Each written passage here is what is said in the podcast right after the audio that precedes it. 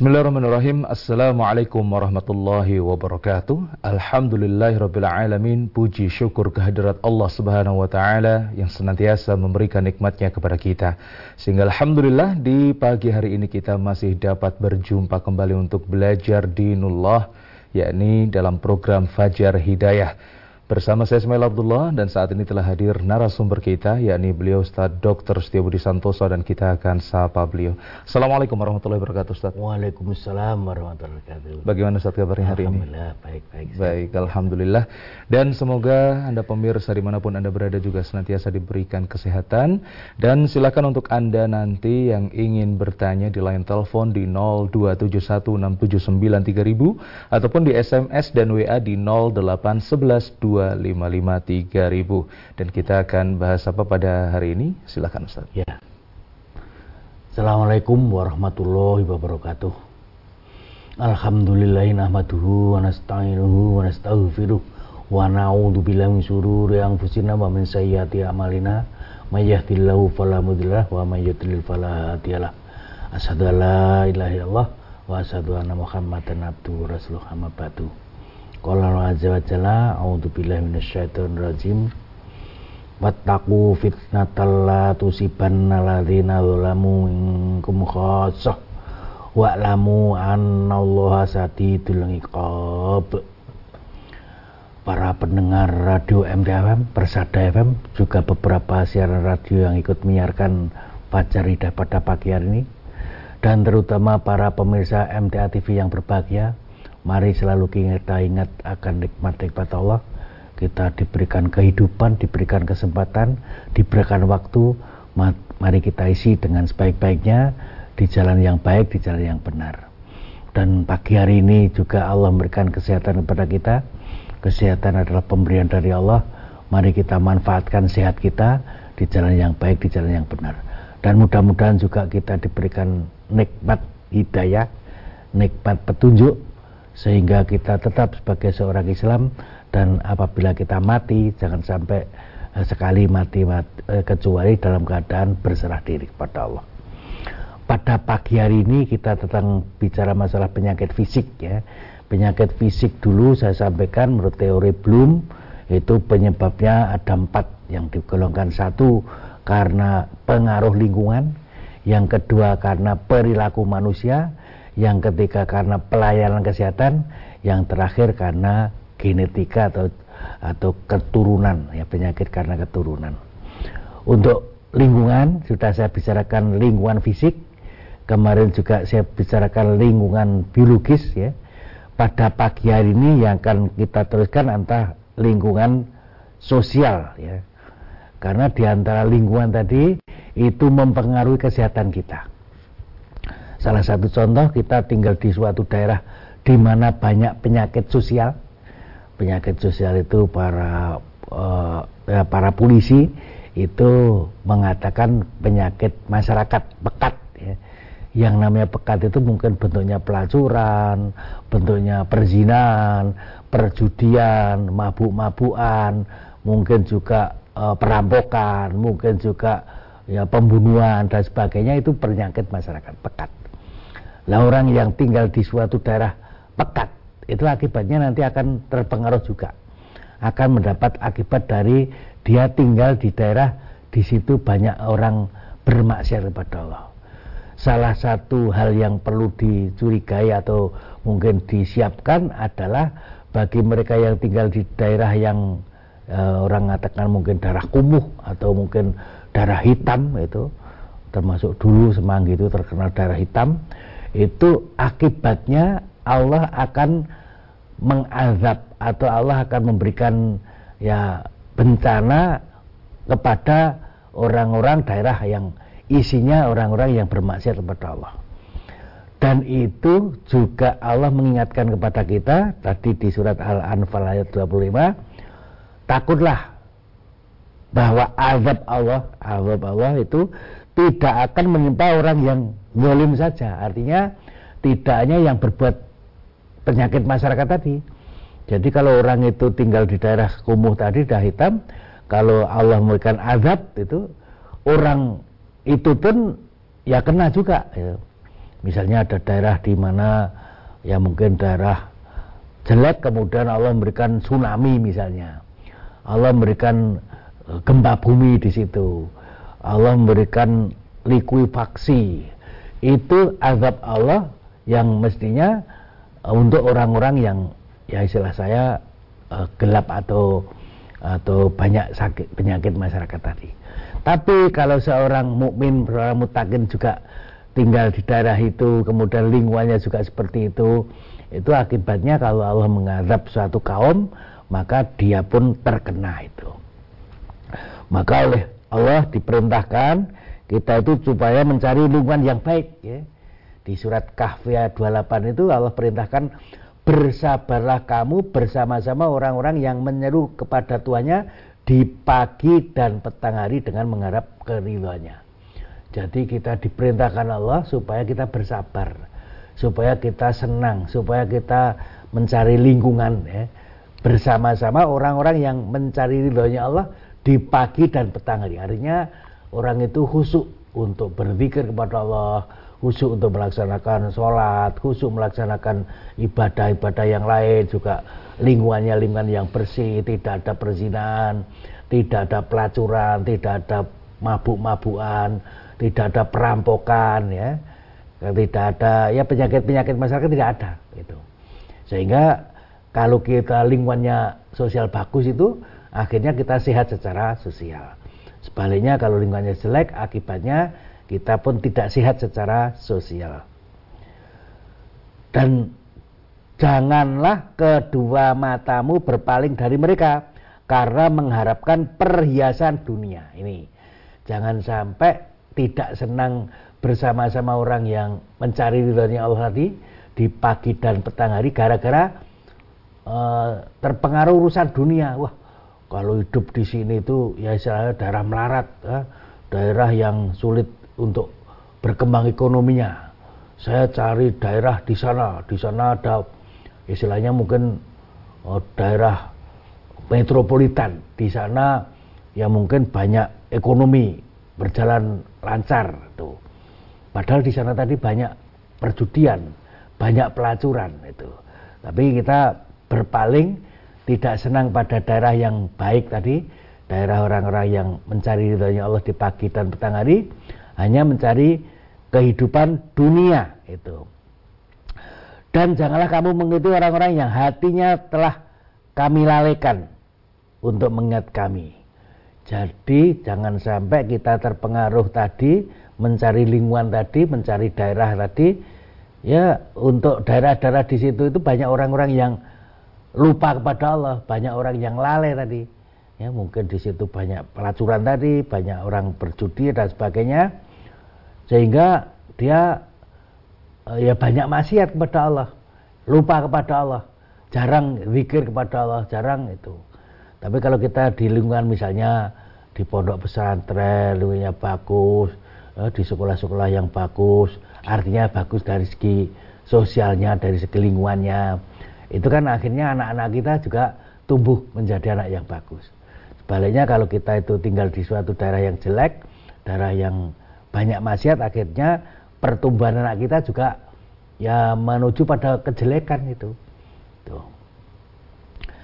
dan ya, dan menuruti hawa nafsunya dan adalah mereka keadaan mereka melampaui batas. Jadi kalau dia itu sudah mencari lingkungan itu malah justru orang-orang yang banyak mengikuti hawa nafsu saja ya nafsu sahwat, nafsu ya, segala macam nafsu itu kebanyakan nafsu kan menuju pada kejahatan. Jadi kalau kita mengikuti orang-orang yang mencari eh, apa ya kepuasan hawa nafsu, bahkan yang paling berat adalah melampaui batas, maka akibatnya kita akan juga terkena azab dari Allah. Di ayat yang lain surat Al-A'raf ayat 24 Allah berfirman, "Turunlah kamu semua sekalian sebiar kamu menjadi semusuh bagi sebagian yang lain. Dan kamu mempunyai tempat kediaman dan kesenangan yang eh, kehidupan di muka bumi ini sampai waktu yang ditentukan. Jadi kalau kita hidup di dunia ini memang terbatas. Waktunya sementara itu. Sehingga nanti sewaktu-waktu pasti akan dipanggil oleh Allah, pasti kembali kepada Allah itu. Di surat Al-Maidah ayat 90 diterangkan bahwa sesungguhnya Homer berjudi mengundi nasib dengan berhala, berkorban dengan berhala, mengundi nasib dengan anak panah adalah termasuk perbuatan setan maka jauhilah perbuatan-perbuatan agar kamu mendapat keberuntungan. Jadi ini penyakit-penyakit yang disebutkan dalam uh, Al-Quran, homer, ya, per, apa, mabuk-mabuan, termasuk sekarang namanya narkoba itu, itu suatu yang yang jelek atau termasuk perbuatan setan. Jadi kalau kita masuk lingkungan di situ ya, bahkan hmm, apa ada istilah apa ya jaringan narkoba ya yang paling berat jaringan narkoba tingkat nasional tingkat internasional. Ya, jangankan tingkat tingkat RT pun kalau kita punya jaringan narkoba yaitu lingkungan yang jelek. Ya, kita tahu oh, di situ banyak orang uh, mabuk-mabuan atau orang minum-minum obat rapsa obat yang dilarang itu. Atau orang yang ya berbuat itu itu itu lingkungan yang jelek atau juga perjudian ya. bahkan yang paling terkenal sekarang perjudian online. Nah, tidak hanya orang tua-tua bahkan anak-anak terkena. Itu nah, kalau kita lingkungan kita seperti itu anak-anak itu ya main HP kelihatannya mungkin main game. Tapi gamenya game online tadi game perjudian itu ya, tahunya dari mana? Tahunya minta uang kepada bapaknya ibunya atau bahkan yang paling berat sampai mencuri mencuri uang bapak ibu gara-gara untuk ju, judi. Begitu pula rumah tangga. Nah kalau dimulai dari perjudian rumah tangga itu akan hancur itu. Menghuni nasib e, berkorban dengan berhala ya. Kalau kita itu selalu apa ya mencari perlindungan kepada e, apa ya mungkin ada gunung mungkin ada laut, mungkin ada danyangan, eh, dengan cara berkorban, ya, berkorban dengan ayam, berkorban dengan kambing, itu berkorban bahkan dengan eh, sapi, atau kalau supaya selamat jembatan ini eh, korban dengan kerbau, kepala kerbaunya ditanam, itu itu perbuatan yang jelek. Berkorban untuk keselamatan, ya, untuk misalkan Gunung Merapi, ya, ada makanan-makanan, ada kambing dilempar ke gunung supaya membuat selamat atau juga di tepi-tepi laut itu itu juga ya, perbuatan yang jelek. Atau mengundi dengan anak panah ya itu. Berarti kita mau berangkat ke Jakarta itu. Kira-kira hari apa itu? Oh ini hari Minggu Pahing wah ini hari Minggu jelek ya. Atau juga kita ya nasib kita tergantung waktu tergantung perhitungan itu itu semua adalah termasuk perbuatan setan. Jauhilah. Jadi kalau kita melihat lingkungan yang seperti itu harus kita jauhi. Sesungguhnya setan itu bermaksud hendak menimbulkan permusuhan dan kebencian di antara kamu. Lantaran memimpin homer berjudi dan mendatangi kamu. Mendatang, mendalang, menghalangi kamu dari mengingat Allah dan sholat maka berhentilah kamu untuk mengerjakan pekerjaan itu. Ini surat Al-Maidah selanjutnya tadi yang namanya perjudian yang namanya menghalangi mengingat Allah. Gara-gara mabuk ya gara-gara ya mungkin termasuk ya keyakinan-keyakinan yang salah tadi itu melupakan mengingat Allah. Itu perbuatan setan. Dan memang setan itu membuat apa ya membuat permusuhan dan mungkin kebencian. Ya, mungkin percekcokan. Bahkan mungkin bunuh bunuhan. Dan setan sudah berputusa untuk disembah tetapi setan tidak berputusa untuk mengadu domba.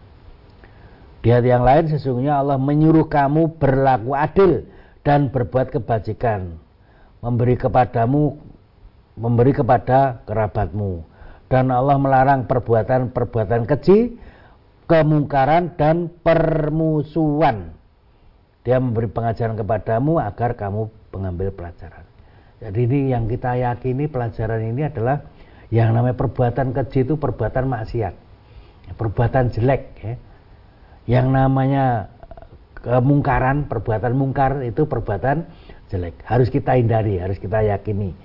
Kalau di, di suatu wilayah, di suatu daerah itu isinya banyak orang berbuat keji, ya kita sebaiknya mencari tempat yang lain yang cari uh, di situ banyak orang-orang yang mencari ridhanya Allah di pagi dan petang hari.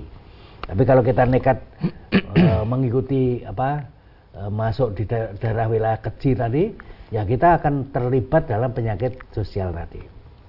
Juga kemungkinan dan permusuhan, eh, permusuhan antar geng, permusuhan antar kampung, permusuhan antar RT, antar generasi, ya, antar kelompok itu memang setan itu membuat masalah itu.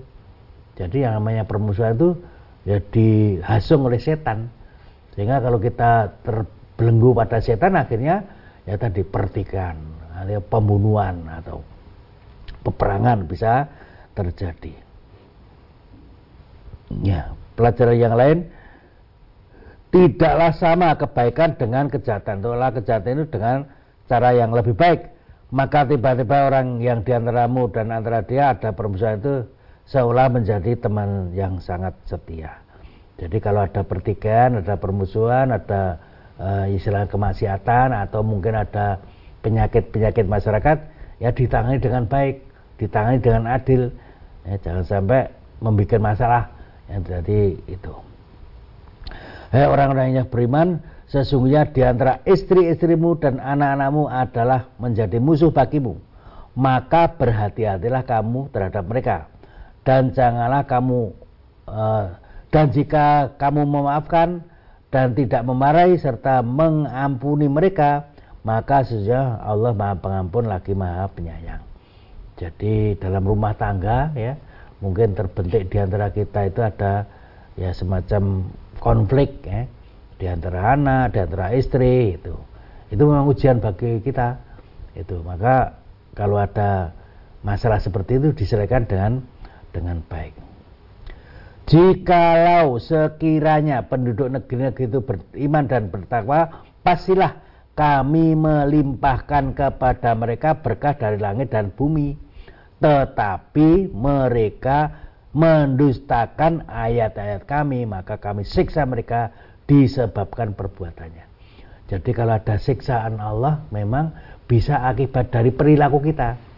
Tuh akibat dari kezaliman kita, akibat dari kemaksiatan. Maka kalau suatu wilayah, suatu daerah, suatu negeri itu isinya banyak orang maksiat, boleh jadi Allah akan memberikan azab kepada kita. Tapi kalau suatu wilayah itu penduduknya itu beriman kepada Allah, bertakwa kepada Allah, Allah akan melimpahkan rahmatnya, akan melingkar, memberikan berkah dari langit dan bumi ya. Kalau Pak Dalang mengatakan gemah ripah roh jinawi itu karena penduduknya iman, penduduknya takwa. Maka segala kebutuhan tercukupi menjadi berkah, menjadi baik. Ya, lingkungan yang bagus, kemudian orangnya banyak takwa, orangnya banyak beriman, maka berkah dari langit dan bumi diberikan Allah.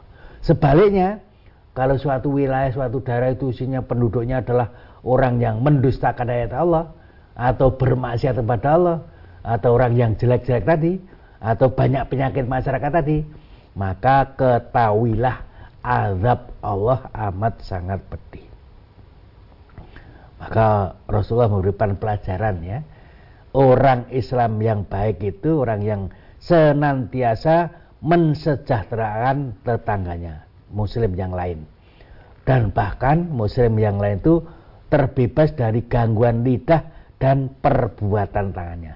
Ini muslim yang baik, sehingga kalau lingkungan yang baik terjadi masyarakat yang baik, maka uh, uh, lingkungan itu atau lingkungan sosial itu lingkungan yang baik. Sebaliknya kalau di situ lingkungan yang jelek atau banyak kemaksiatan atau banyak hal-hal yang dilarang oleh Allah dikerjakan, ya, akhirnya darah itu darah uh, kumuh atau darah hitam atau darah ya mungkin sewaktu-waktu bisa diadab oleh Allah sehingga kalau kita tinggal di situ kita pun terkena azab. Maka pelajaran tiga juga kalau kita itu mau mencari rumah atau akan mencari tempat tinggal itu yang dilihat bukan bukan apa ya daerah itu apa hokinya bagus oh itu daerahnya daerah elit oh itu daerahnya itu. Yang dilihat pertama kali adalah lingkungannya tetangganya. Bagaimana lingkungannya di situ?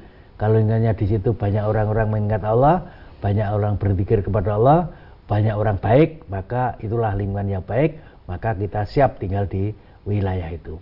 Sebaliknya di situ mungkin daerahnya orang kaya-kaya mungkin daerahnya orang elit mungkin daerahnya daerah bersih bersih dalam pengertian fisik ya tapi ternyata di situ banyak perjudian misalnya di situ banyak pelacuran di situ banyak orang mabuk-mabukan ya. kelihatannya secara fisik bagus tapi secara sosial secara uh, lingkungan sosial jelek akibatnya nanti kalau Allah memberikan azab kepada kita kepada satu kaum itu kita juga terkena bilangnya seorang menurut hadis Rasulullah seorang itu akan mengikuti agama teman dekatnya atau lingkungan pergaulannya. Oleh karena itu hendaklah kalian perhatian lingkungan itu. Ya. Siapakah yang kalian jadikan sebagai teman dekatnya? Jadi kalau kita melihat orang baik dan orang buruk itu juga ini e, kuncinya kita melihat teman dekatnya siapa. Oh itu kurang ya orang itu teman dekatnya orang yang rajin ke masjid orang dekatnya orang yang uh, banyak kegiatan visabilillah ya. Rajin sholat rajin melaksanakan ibadah itu berarti itu termasuk orang yang baik. Sebaliknya orang itu sebenarnya orang Islam ya sholat tapi temennya ya yang diajak teman itu orang mabuk-mabukan temannya orang pelacuran itu bahkan Yusuf di antara mahasiswa-mahasiswa itu kadang-kadang uh, cari teman yang yang teman yang diajak teman tadi senang pacaran misalnya. Akibatnya kita tadinya tidak pacaran akhirnya terpengaruh. Akhirnya sama-sama pacaran akhirnya sampai sama-sama sampai perzinaan itu jadi gara-gara kita mencari salah salah mencari teman bisa berakibat uh, kehidupan kita bisa terbengkalai maka mencari teman juga juga dilihat dan juga istilah saya misalnya tuh mena, mencari jodoh ya. Mencari kawan hidup mencari istri atau mencari suami. Ya dilihat temannya dia. Ya, dia biasa berteman dengan siapa. Oh temannya mas itu itu orang-orang yang baik ya. Rajin sholat banyak kegiatan visabilillah ke sana kemari ya mencari ridhonya Allah. Wah dia tentu ya juga baik gitu. Atau juga oh itu si mbak itu oh, temannya teman itu yang yang diajak teman orang nakal ya. Nah, itu akibatnya nanti ya ya walaupun sekarang mungkin belum nakal tapi kalau dia berteman dengan orang nakal akibatnya juga berakibat dari perilaku lingkungannya terpengaruh oleh lingkungan. Jadi itu penyakit fisik bisa karena lingkungan lingkungan yang jelek mempengaruhi dirinya akhirnya uh, hidupnya tidak tenang, hidupnya punya penyakit sosial tadi, termasuk yang namanya pembunuhan.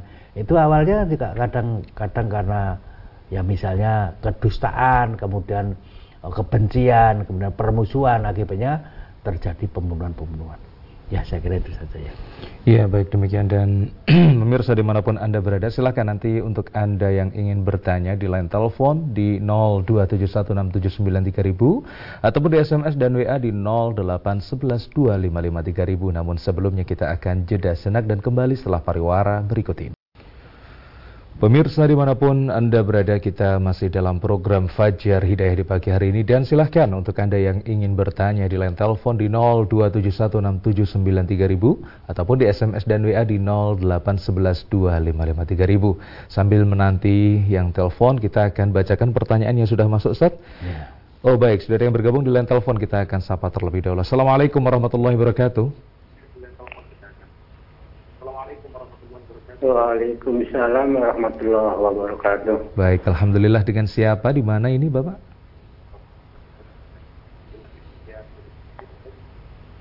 Hari Binaan Bayung Lincir, Palembang. Palembang. Dari Palembang. Baik, dengan Bapak siapa ini? Pak Haji. Baik, silakan Bapak dengan Ustaz Dr. Budi. Ini Pak Ustaz, saya mau tanya. Assalamualaikum warahmatullahi wabarakatuh. Waalaikumsalam warahmatullahi wabarakatuh. Mari Pak Ati, Palembang. Saya ini kan sudah menjadi seorang kakek. Ya.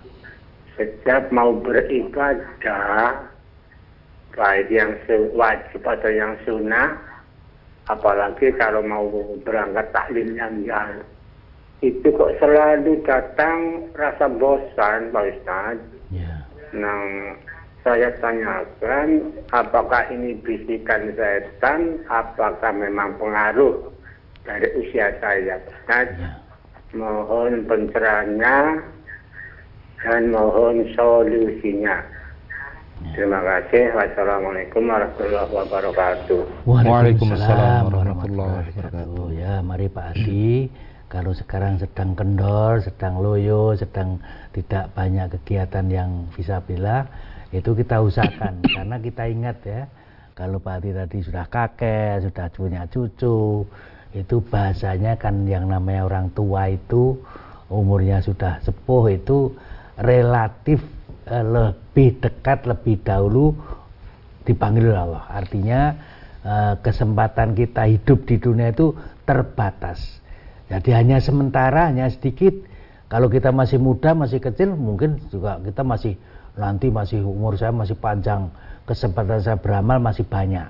Tapi kalau orang itu sudah mendekati umur senja, kemudian apalagi sudah bercucu dan sebagainya, nah, m- mudah-mudahan Pak Hati nanti diberi daya Allah itu menjadi ya orang yang rajin atau orang yang aktif dalam kegiatan-kegiatan visabilillah.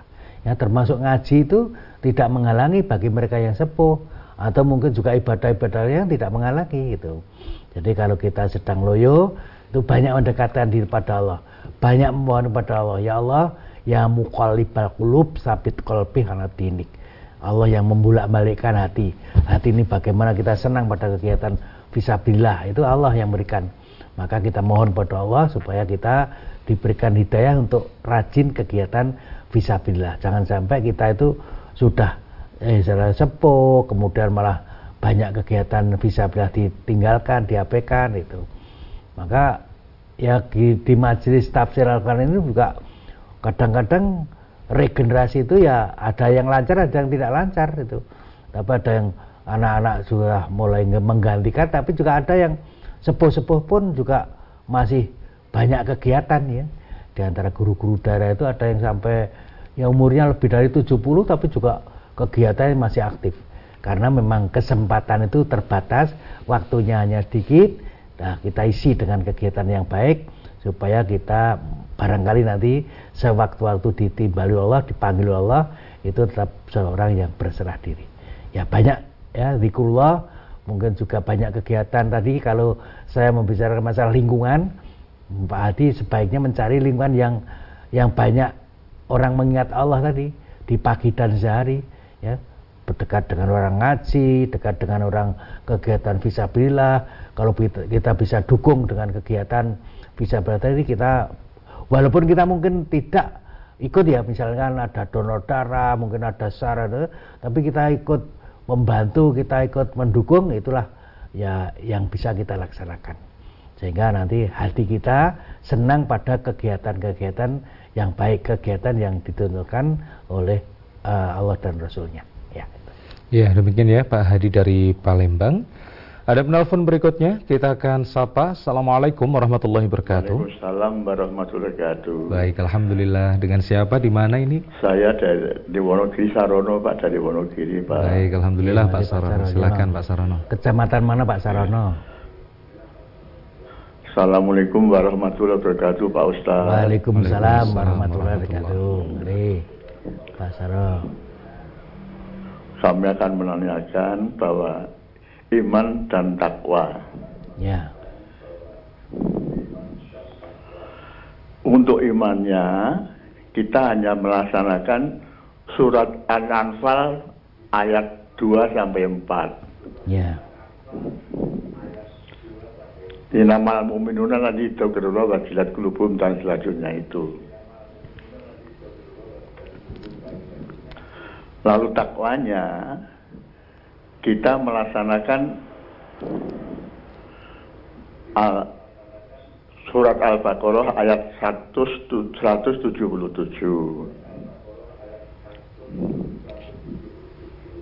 Dan juga melaksanakan Ali Imran 130 sampai 136 dan melaksanakan surat Al-Mu'minun ayat 1 sampai 11 dan juga melaksanakan surat takajud Sholat duha 8 rakaat tiap hari. lalu sholat rawatib duhur empat rakaat empat rakaat kobri kobriya dan empat rakaat bakja ya. Apakah yang demikian itu kami dapat dikatakan orang mutakin mbak ya. dan akan boleh mendapat pahala seperti yang terdisebutkan pada sholat pada surat atolak Atolak ayat 2 sampai 5. Ayat 2 sampai 5. Terima kasih Pak atas jawabannya, atas penjelasannya. Assalamualaikum warahmatullahi wabarakatuh. Waalaikumsalam warahmatullahi wabarakatuh. Jadi pertanyaan ada dua hal yang paling utama, amanu kemudian juga mutakin ya. Orang yang beriman itu apa?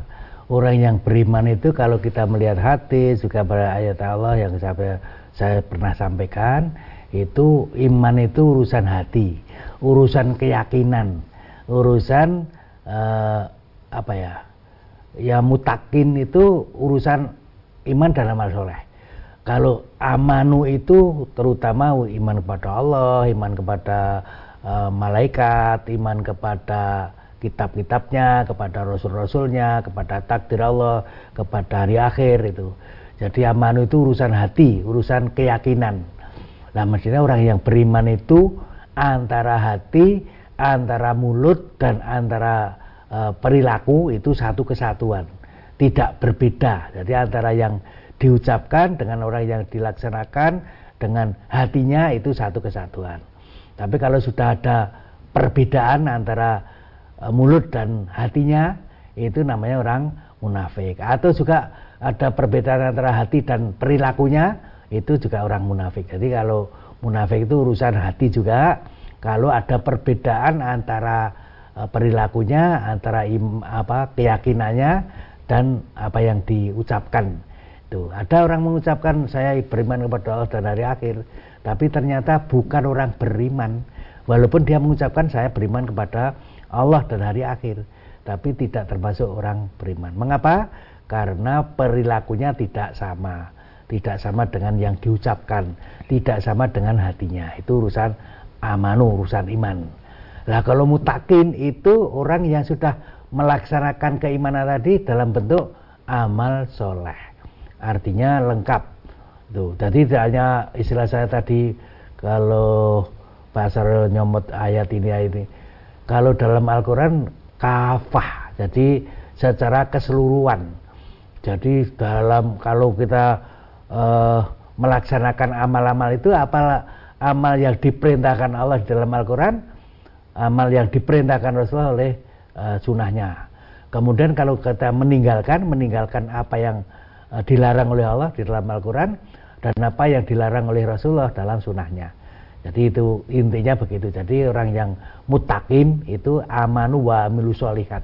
Jadi orang yang beriman dan beramal soleh tidak hanya sekedar beriman, tidak hanya sekedar punya keyakinan, tetapi amaliyahnya juga amal yang soleh. Amal soleh itu amal yang diperintahkan Allah di dalam Al-Quran dan amal yang disunahkan oleh Rasulullah. Adapun secara misalkan sholat tahajud, misalkan sholat duha, melakukan itu, itu kan sunnah yang dilaksanakan oleh Rasulullah artinya kewajiban-kewajiban yang dicontohkan oleh Rasulullah yang perlu kita laksanakan karena memang itu rukun eh, Islam. Jadi rukun Islam harus kita laksanakan. Kalau rukun iman ada enam itu kan kita yakini itu urusan hati, bukan urusan otak, bukan urusan akal.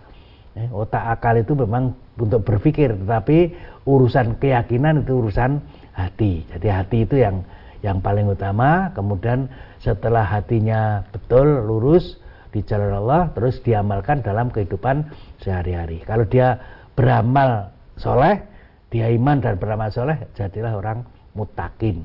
Itulah yang diharapkan. Inna kromakum indallahi atkokum itu orang mutakin, orang yang iman dan amal soleh. Ya, gitu. Ya, baik demikian. Dan kita beralih ke WA ini, Ustaz. Ya. Ustadz, bagaimana hukum kuret karena penebalan dinding rahim ya. dengan kuret keguguran apakah sama hukumnya nifas? Dikarenakan saya haid hampir sebulan suci tiga hari. Setelah di USG ternyata ada penebalan dinding rahim dan setelah kuret keluar darah deras lagi. Apakah saya tetap menjalankan sholat?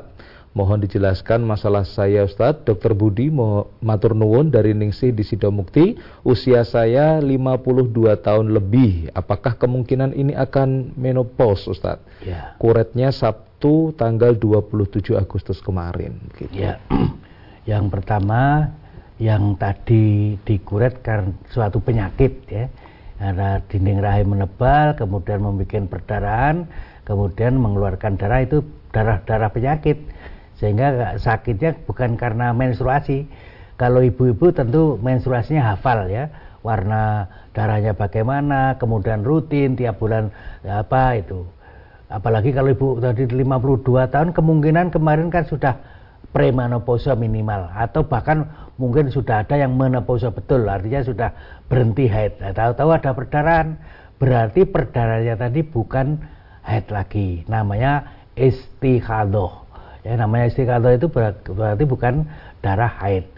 Kalau darah haid rutin tiap bulan, warnanya tahu, harusnya tahu, masih ada hanya paling banter seminggu itu. Tapi kalau darah keluar apalagi sudah berhenti haid, itu berarti darah istiqadah. Walaupun keluar darah dari situ, karena itu darah penyakit, maka tidak termasuk darah haid. Ya. Iya, baik demikian ya Ibu Ningsih dari Sidomukti dan kita akan Lanjutkan untuk pertanyaan berikutnya Ustaz dari WA. Pak Ustadz mau bertanya, suatu misal ada seorang yang senang dengan kelahiran anaknya, namun ia tidak mengakikohinya. Namun karena saking bersyukurnya, ia mengadakan acara dengan mengundang elektronik atau hiburan. Ya. Yang saya tanyakan, ketika diundang, apa yang harus dilakukan, mendatanginya atau tidak? Mohon pencerahannya dari Siti di Karangannya. Ya ya ini mungkin penyebabnya karena ketidaktahuan terhadap bersyukur kepada Allah dengan dikaruniai anak. Ya, penyebabnya kan di situ. Bagaimana saya senang pada saat saya dikaruniai anak itu. Nah, karena sebenarnya uh, Rasulullah mencontohkan uh, sebenarnya orang-orang Arab itu juga sudah biasa namanya akikoh itu dulu kebiasaan orang Arab itu. Kemudian diluruskan yang yang baik tetap dilanjutkan, yang tidak baik tetap uh, dihilangkan itu. Contohnya misalnya yang tidak baik itu misalnya uh, bayi lahir tadi dipolesi dengan darahnya, ya mungkin darah apa ya darah nifasnya, kemudian dipoles-poleskan. Anak itu yang membahayakan, itu tidak boleh. Kemudian juga ya istilahnya uh, kalau setelah Rasulullah kan dicukur rambutnya, itu. Jadi diuranjobna diberi nama kemudian ini diakekoi. Jadi itunya begitu. Jadi kalau Rasulullah mencontohkan kalau punya anak itu yang harus dilakukan diakekoi itu kita mengikuti sunnah Rasulullah kita mendapat pahala karena mengikuti sunnah Rasulullah. Adapun tadi ibu yang tadi mungkin menanggap uh, apa tone nyanyi-nyanyi itu asal tidak ada keyakinan apa-apa itu netral. Artinya uh, uh, tidak ada nilai apa-apa itu. Datang dan tidak datang kan tidak ada urusan ya, karena tidak ada keharusan datang dan tidak ada rasa apa ya namanya secara formal ritual kedatangan bayi tadi dengan dengan sebegitu kan tidak ada zaman dulu tidak ada elektron, tidak ada nyanyi-nyanyi dan sebagainya. Itu. Nah yang jadi masalah kalau dia punya keyakinan dengan begitu itu akan menyelamatkan putranya, akan membuat ini. Nah, itu yang keyakinan yang salah. Tapi kalau tidak ada keyakinan mau makan-makan ya silahkan saja. Boleh datang, boleh tidak. Ya. Kemudian apa harus nyumbang? Tidak ada keterangan nyumbang dan tidak nyumbang, oh. tidak ada ketentuan itu. Kalau yang paling bagus nyumbang itu kalau ada orang istilah bahaya mungkin kesilipaan, perlu dibantu karena dia sedang susah, tidak makan minimal tiga hari diberi makanan itu bagus itu. Tuh. Tapi kalau orang senang-senang ya makan-makan itu tidak ada keharusan untuk saling sumbang menyumbang. Tidak ada dukungan tolong menolong dalam kejelekan atau dalam ketidak apa ya ketidak baik gitu. Iya. Ya, iya. baik demikian. Kemudian kita lanjutkan pertanyaan berikutnya Ustaz dari Pak Suryadi di Nganjuk. Pak Ustadz, kalau kita sholat jamaah sama istri, apa dituntunkan kita zikir dan doa bersama-sama? Apa benar prinsipnya uang suami, uang istri, uang istri, uangnya sendiri? Makasih Ustaz. Iya. Yang pertama, yang namanya doa saya sudah sholat itu sendiri-sendiri aja. Itu kalau mau bareng-bareng ya ya ya boleh duduknya sana sana sana, tapi yang paling bagus doa sendiri-sendiri. Jadi kan masing-masing orang itu tidak sama, permintaannya tidak sama, permohonannya tidak sama. Adapun zikirnya memang dicontohkan oleh Rasulullah ya, misalnya istighfar, misalnya uh, subhanallah, alhamdulillah, Allah akbar itu dicontohkan. Tuh, tapi tidak ada keharusan dan tidak ada contohnya bareng-bareng dalam pengertian dipimpin satu orang kemudian yang lain bareng itu enggak ada. Jadi zikir itu boleh setelah selesai sholat kita zikir tapi sebaiknya ya sendiri-sendiri saja gitu karena contohnya ya masing-masing orang zikir sendiri-sendiri dan kalau memohon kepada Allah doanya itu kan tidak sama satu dengan yang lain. Kemudian yang kedua tentang harta, tentang harta. Yang namanya harta suami ya harta suami, harta istri ya harta istri. Tuh. Nah, cuman yang namanya suami itu punya kewajiban memberi nafkah kepada istri.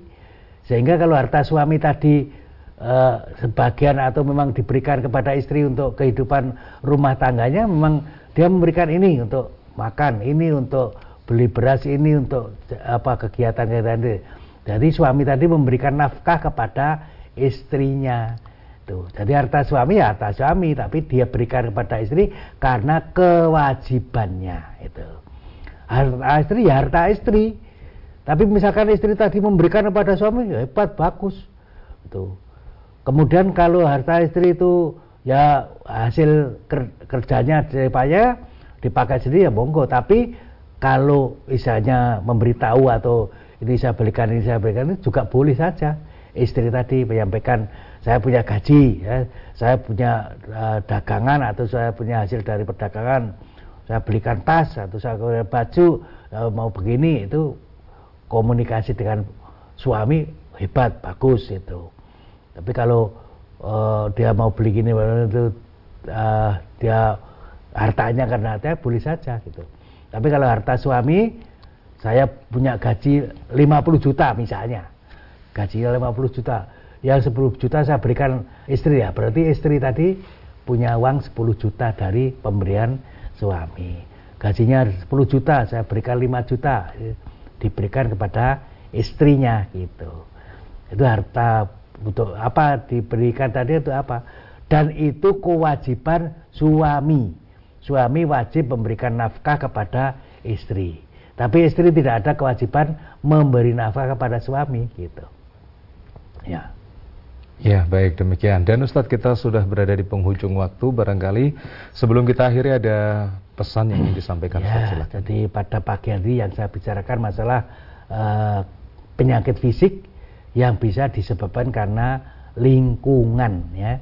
Jadi fisik itu bisa karena e, dari lingkungan. Maka kalau kita tidak hati-hati karena kita mencari tempat tidak e, bersih dari penyakit lingkungan, akibatnya kita mendapat azab dari Allah akibat dari perilaku lingkungan kita.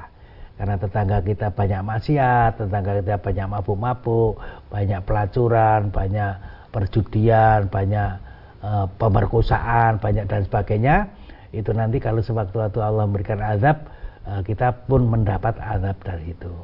Kemudian juga hidup kita tentu tidak tenang, tidak tentram, tidak bisa sehat secara spiritual atau tidak sehat secara sosial, tidak sehat secara fisik pun karena lingkungan-lingkungan yang jelek tadi bisa berakibat penyakit fisik ya. Contoh, orang mabuk-mabukan gara-gara mabuk-mabukan dia ya menganiaya. Itu kan akhirnya sakit fisiknya karena dianiaya oleh orang mabuk itu.